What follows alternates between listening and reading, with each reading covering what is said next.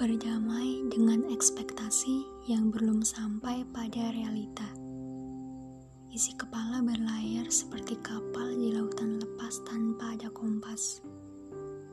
Berjalan sesuka hati tanpa henti dan ya memang gak mau berhenti.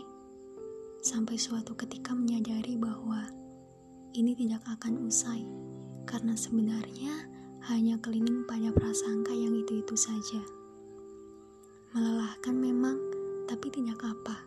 Setidaknya masih tahu apa yang dirasakan dan yang menjadi tujuan. Meski hanya sebatas ekspektasi. Sabar ya, setiap kapal punya nakodanya sendiri-sendiri.